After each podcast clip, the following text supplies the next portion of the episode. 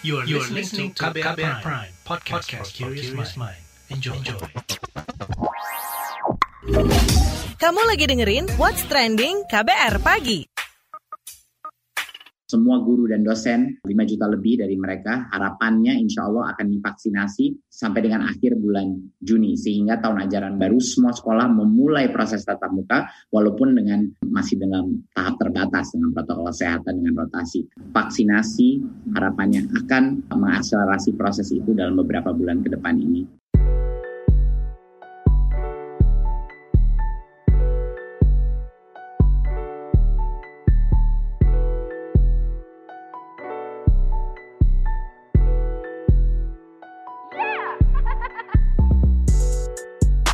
Halo, selamat pagi. Itu tadi Menteri Pendidikan dan Kebudayaan Nadiem Makarim saat pengumuman bantuan kuota data internet tahun 2021 di 1 Maret 2021 yang lalu.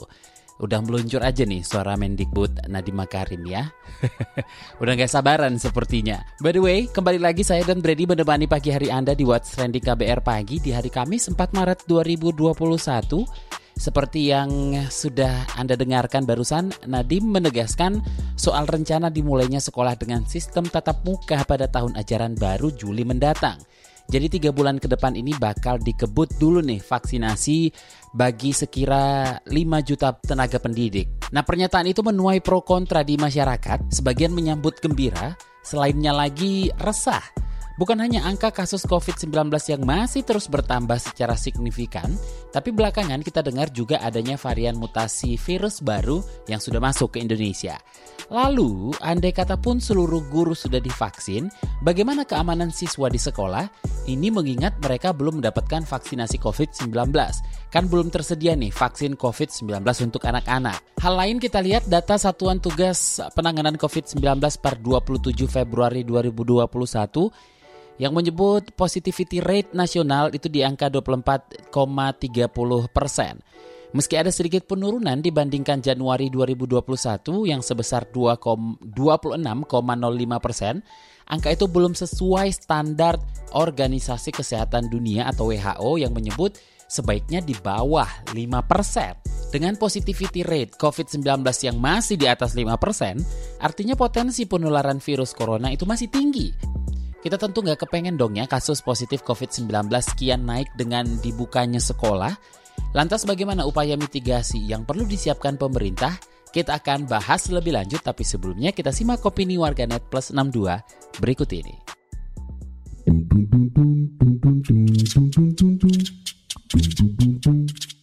Kita ke komentar akun @jaexkai. Mampus, bentar lagi sekolah tatap muka nih. Lalu komentar @kancah. Bagi saya pribadi, keselamatan anak lebih utama. Belum ada kan yang bisa ngejamin anak didik tidak akan terpapar virus COVID-19 selama sekolah tatap muka. Lebih baik sabar daripada malah anak-anak yang jadi korban. Terus ke perlu VCHS. Aku dikasih pilihan sih, boleh sekolah tatap muka atau tetap daring. Bagusan gimana dong? Jujur aku mager sih sekolah, udah nyaman di rumah. Terus Terus ke Ed Cipto Siman, Pak Jokowi anak-anak udah rindu sekolah tatap muka nih, mohon dipercepat ya program vaksin buat anak sekolah. Ke komentar Ed Opini Tukang, tolong dong pemerintah disegerakan sekolah tatap muka lagi. Kasian nih adik saya belajar di rumah sering ngeluh karena kurang paham dengan materinya. Sementara orang di rumah pun tidak berkompetensi untuk ngajarin seperti guru.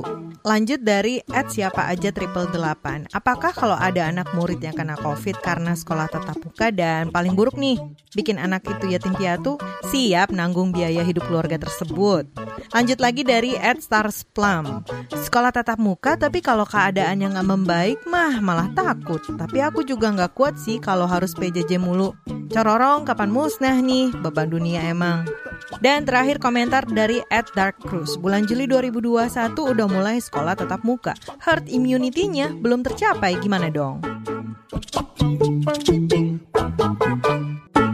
What's Trending KBR Pagi. Balik lagi di What's Trending KBR Pagi bersama saya Don Brady yang lagi ngobrolin soal sekolah tatap muka di tahun ajaran baru. Seperti apa upaya mitigasinya? Nah, pemerintah berencana memulai sekolah tatap muka di awal tahun ajaran baru seiring berjalannya vaksinasi terhadap guru dan tidak ingin anak-anak sekolah makin tertinggal karena terlalu lama belajar offline. Kita mau tahu nih pendapat Wakil Sekretaris Jenderal Federasi Serikat Guru Indonesia atau FSGI Fahriza Marta Tanjung. Bagaimana Anda melihat persoalan ini? ketika nanti kalau memang kemudian ditetapkan di awal Juli itu nanti pembelajaran tatap muka dimulai, yang kemungkinan akan divaksin itu kan hanya guru gitu ya dan tenaga kependidikan atau pegawai di sekolah begitu. Nah sementara kan siswanya kan belum juga gitu dan memang belum ada vaksinasi untuk anak-anak gitu ya. Nah ini saya kira juga masih sangat rentan gitu ya terhadap penularan COVID-19 ini tadi begitu. Bagaimana upaya pemenuhan sarana dan prasarana prokes di sekolah saat ini dan sebagian sekolah kan ada yang sudah mulai melakukan sekolah tetap muka secara terbatas juga ya? Memang kami melihat bahwa misalnya kenapa sampai dengan saat ini masih sedikit sekolah yang melakukan pembelajaran tatap muka. Memang karena pemenuhan terhadap SKB 4 Menteri itu tidak bisa dilaksanakan di sekolah gitu ya. Walaupun memang di SKB 4 Menteri ini kewenangan untuk memberikan izin itu ada di pemerintah daerah kabupaten kota maupun pemerintah provinsi. Tapi kebanyakan pemerintah daerah tidak berani gitu ya memberikan izinnya gitu ya. Karena memang kenyataannya tidak lapangan memang upaya untuk pemenuhan prokes itu baik itu apakah sarana toiletnya, kemudian misalnya wastafel untuk cuci tangan, kemudian disinfektan, termogan dan lain sebagainya itu yang masih minim dilakukan di sekolah gitu. Nah artinya hanya ada waktu sekitar empat bulan untuk menyiapkan langkah mitigasi jika rencana itu betul bakal dieksekusi. Jadi uh, rencananya April akan uh, dibahas kembali nih. Hal-hal apa yang perlu menjadi perhatian bagi pemerintah? Ya saya kira vaksinasi saja nggak cukup gitu sebagai syarat lah ya untuk membuka sekolah gitu kan. Tetapi apa yang sudah diatur oleh pemerintah lewat SKB 4 Menteri itu saya kira itu patut dilaksanakan gitu. Kalau kita lihat di Kemendikbud lewat Dapodik maupun laman Kementerian Agama lewat emisnya itu kan sebenarnya kan sekolah-sekolah diwajibkan ya mengisi daftar periksa itu sebelum membuka sekolah gitu. Karena kalau kita jadikan itu sebagai indikator maka hanya sekitar 40 persenan sampai 45 persen sekolah yang sudah melakukan pengisian daftar periksa gitu kan daftar periksa itu telah memenuhi persyaratan yang disyaratkan sesuai dengan SKB 4 Menteri itu. Nah, itu lain hal lagi gitu. Nah, itu baru 41 persen gitu. Dan dari total seluruh sekolah maupun madrasah yang ada di Indonesia. Jadi, dari itu saja bisa kita lihat bahwa upaya untuk melaksanakan SKB 4 Menteri tadi itu masih rendah lah gitu ya. Kemudian, kalau kita lihat juga dari hasil penelitian ya Kemendikbud sendiri itu menunjukkan bahwa hanya sekitar 5% ya sekolah yang menganggarkan pembiayaannya untuk pencegahan penularan COVID-19 gitu lebih banyak tersedot kepada proses pembelajaran gitu di sekolah-sekolah jadi masih sangat sulit menyediakan sarana prasarana untuk pelaksanaan prokes ini gitu. Oke sebenarnya seberapa uh, urgent sekolah tetap muka atau kita sebaiknya memperbaiki saja mekanisme pembelajaran daring ini? Tetap muka tetap penting gitu ya. Tidak ada metode pembelajaran yang bisa menggantikan tatap muka ini kan. Memang itu jadi persoalan gitu kan. Namun kalaupun tatap muka kan ternyata juga masih memiliki keterbatasan ya. Khususnya agar protokol kesehatannya bisa ditaati. Pembelajaran daringnya sendiri ini sudah hampir setahun kita melaksanakan pembelajaran daring. Saya kira perlu dilakukan evaluasi terhadap pelaksanaan pembelajaran daring selama ini. Gitu. Nah sebenarnya idealnya satu sekolah itu model pembelajarannya itu bisa sampai dua, tiga, empat atau lebih gitu kan. Nah tapi pada kenyataannya di lapangan model pembelajaran satu sekolah itu selalu seragam, tidak memperhatikan kemampuan siswa untuk mengakses model pembelajaran itu gitu. Itu yang mengakibatkan kemudian ada siswa yang tidak ikut pembelajaran daring misalnya gitu kan. Sekolah tidak melakukan asesmen di awal gitu. Nah, kemudian kedua, misalnya yang paling dituntut sebenarnya kan ada interaksi ya antara guru dengan siswanya begitu. Mungkin kalau dia pembelajarannya pembelajaran daring sinkron yang menggunakan model video conference mungkin masih bisa dilakukan gitu dengan baik. Tapi kalau misalnya kemudian model pembelajarannya itu model pembelajaran asinkron hanya menggunakan WhatsApp atau sejenisnya gitu kan itu kan sulit kemudian untuk melakukan interaksi. Yang kedua juga problemnya ada di orang tua juga gitu kan. Orang tua kita kan memang nggak punya kemampuan untuk mendampingi anak-anak belajar gitu. Terima kasih Wakil Sekretaris Jenderal Federasi Serikat Guru Indonesia atau FSGI, Fahriza Marta Tanjung. What's Trending KBR Pagi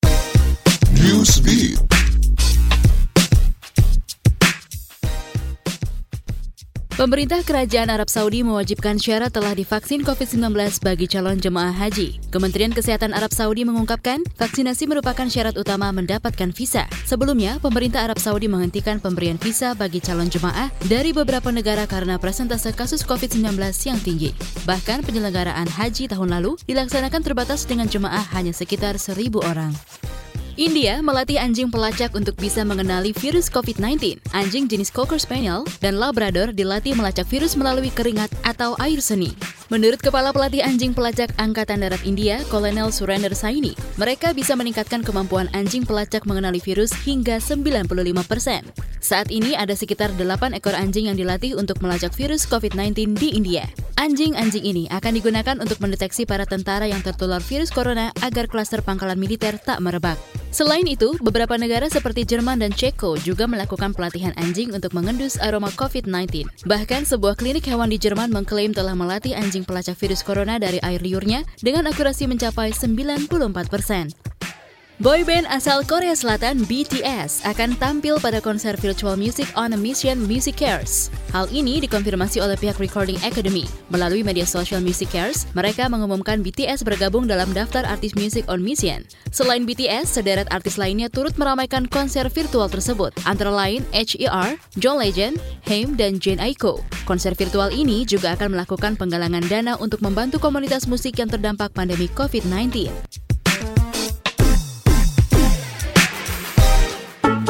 What's Trending KBR Pagi. Balik lagi di What's Trending KBR Pagi bersama saya Don Brady. Kita lanjutkan ngobrol sekolah tatap muka di tahun ajaran baru. Nah pemerintah ini kan berencana ya memulai sekolah tatap muka pada Juli nanti. Kita tahu saat ini program vaksinasi juga menargetkan tenaga pendidik. Lantas, apakah kita bisa berpikir sesederhana kan sudah ada vaksin dan sudah pada divaksin nih nanti. Sudah aman dong dan untuk sekolah tatap muka lagi berarti sudah aman. Kira-kira seperti itu ya. Kita mau tanya pendapat soal ini kepada Dewan Pakar Ikatan Ahli Kesehatan Masyarakat Indonesia atau IAKMI, ada Hermawan Saputra. Pak Hermawan, bagaimana menurut Anda nih Pak? Kami mengingatkan bahwa untuk pembukaan sekolah itu sangat dinamis melihat situasi angka prevalensi dan juga insidensi yang terjadi menjelang pembukaan. Nah, sekarang ini kalau kita lihat nanti bulan Juli pertanyaannya signifikan adalah apakah kasus COVID itu sudah terkendali atau tidak. Nah, kasus COVID di bulan Juli nanti, kalau kita melihat laju vaksinasi COVID dan juga testing capacity kita itu sebenarnya kita belum bisa memastikan apakah COVID ini bisa terkendali di Juli. Nah, maka seharusnya pembukaan sekolah atau aktivitas-aktivitas layanan publik secara masif baru mungkin dilakukan bila kasus itu sudah terkendali. Nah, bisa saya katakan bahwa hingga Maret ini kasus COVID di Indonesia belum terkendali atau belum melewati puncak kasus. Jadi adapun rencana tadi masih mungkin dievaluasi dan masih mungkin berubah sejalan dengan proses yang berlangsung yang berkaitan dengan upaya pengendalian COVID. Nah, langkah mitigasi apa yang perlu disiapkan oleh pemerintah sebelum mewujudkan rencana itu? Tentu tidak serentak. Pertama harus ada semacam prototipe daerah yang memang siap. Daerah yang siap itu tentu berkaitan dengan kapasitas testing dan juga tata kelola lingkungannya. Nah, dalam proses ini kalau memang ada daerah yang disiapkan untuk dibuka sekolah, maka ada bor protokol istilahnya, yaitu protokol barang, protokol orang, dan protokol ruang sekolah. Selama ini kita kalau bicara mengenai pengendalian COVID dan pencegahan itu fokus pada 3M atau 5M. Menggunakan masker, menjaga jarak, mencuci tangan, menghindari kerumunan, dan membatasi mobilitas. Nah ini menyentuh orang, itu baru protokol orang. Bagaimana tata kelola barang di sekolah itu banyak barang, banyak peralatan, banyak fasilitas, dan juga ada ruang. Rata-rata kalau di daerah kota seperti DKI kan ruang-ruang sekolah kan sekarang tertutup menggunakan AC. Kadang juga ventilasi udaranya terpusat. Nah ini kan problem. Dikala ke depan ini kalau memang mau merancang sekolah harus ada portofolio atau prototipe sekolah yang di suatu wilayah yang memang sudah ditata dari aspek barang, orang, dan ruang. Oke, kalau kita bicara dunia pendidikan, ini kan luas ya Pak ya, dari tingkat PAUD sampai sekolah tinggi. Mengingat banyaknya guru yang sudah berumur dan usia anak didik yang sebagian masih usia dini. Bagaimana resikonya penyebaran COVID-nya nih? Apa yang perlu dicermati oleh pemerintah? Ya, memang ada prioritas ya. Pertama, prioritas pada segmen pendidikan menengah dan ke atas.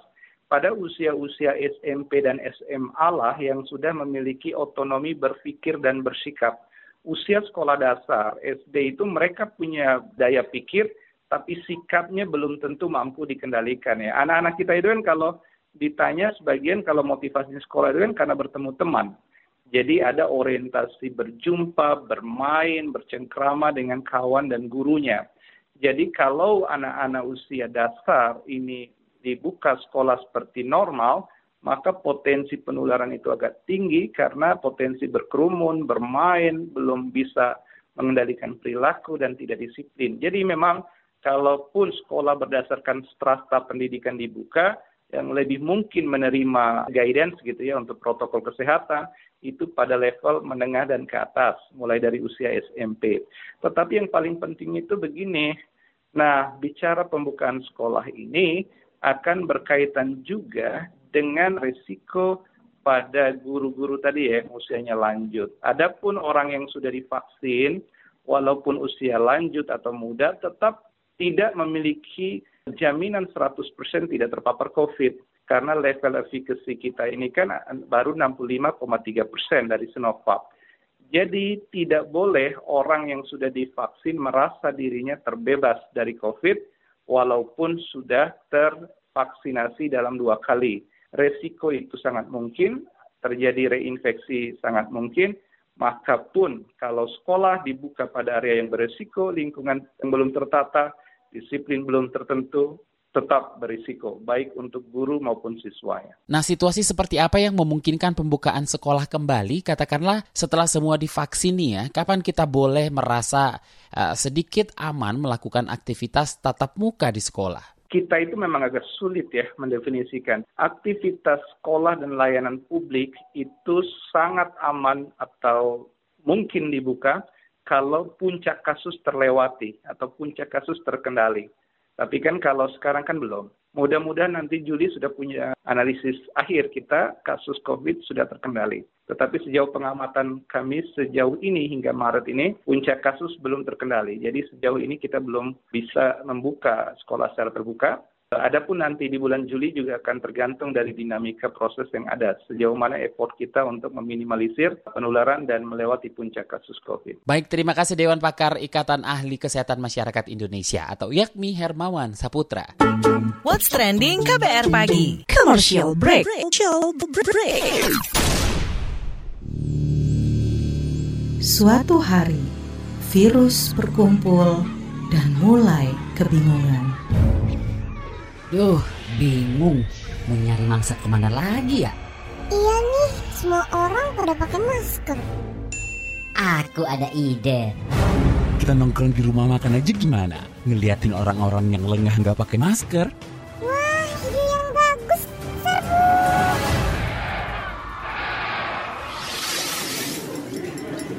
Hati-hati makan bersama saat pandemi. Sebaiknya pilih ruang terbuka, tetap jaga jarak kamu 1,5 meter jika duduk bersebelahan, 2 meter jika berhadapan. Batasi waktu makan bersama 30 menit saja dan jangan berbicara saat makan. Jika sudah selesai, gunakan kembali maskermu ya.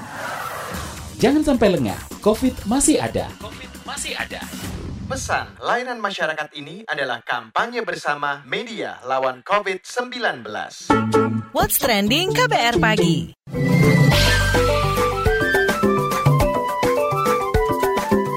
WhatsApp Indonesia.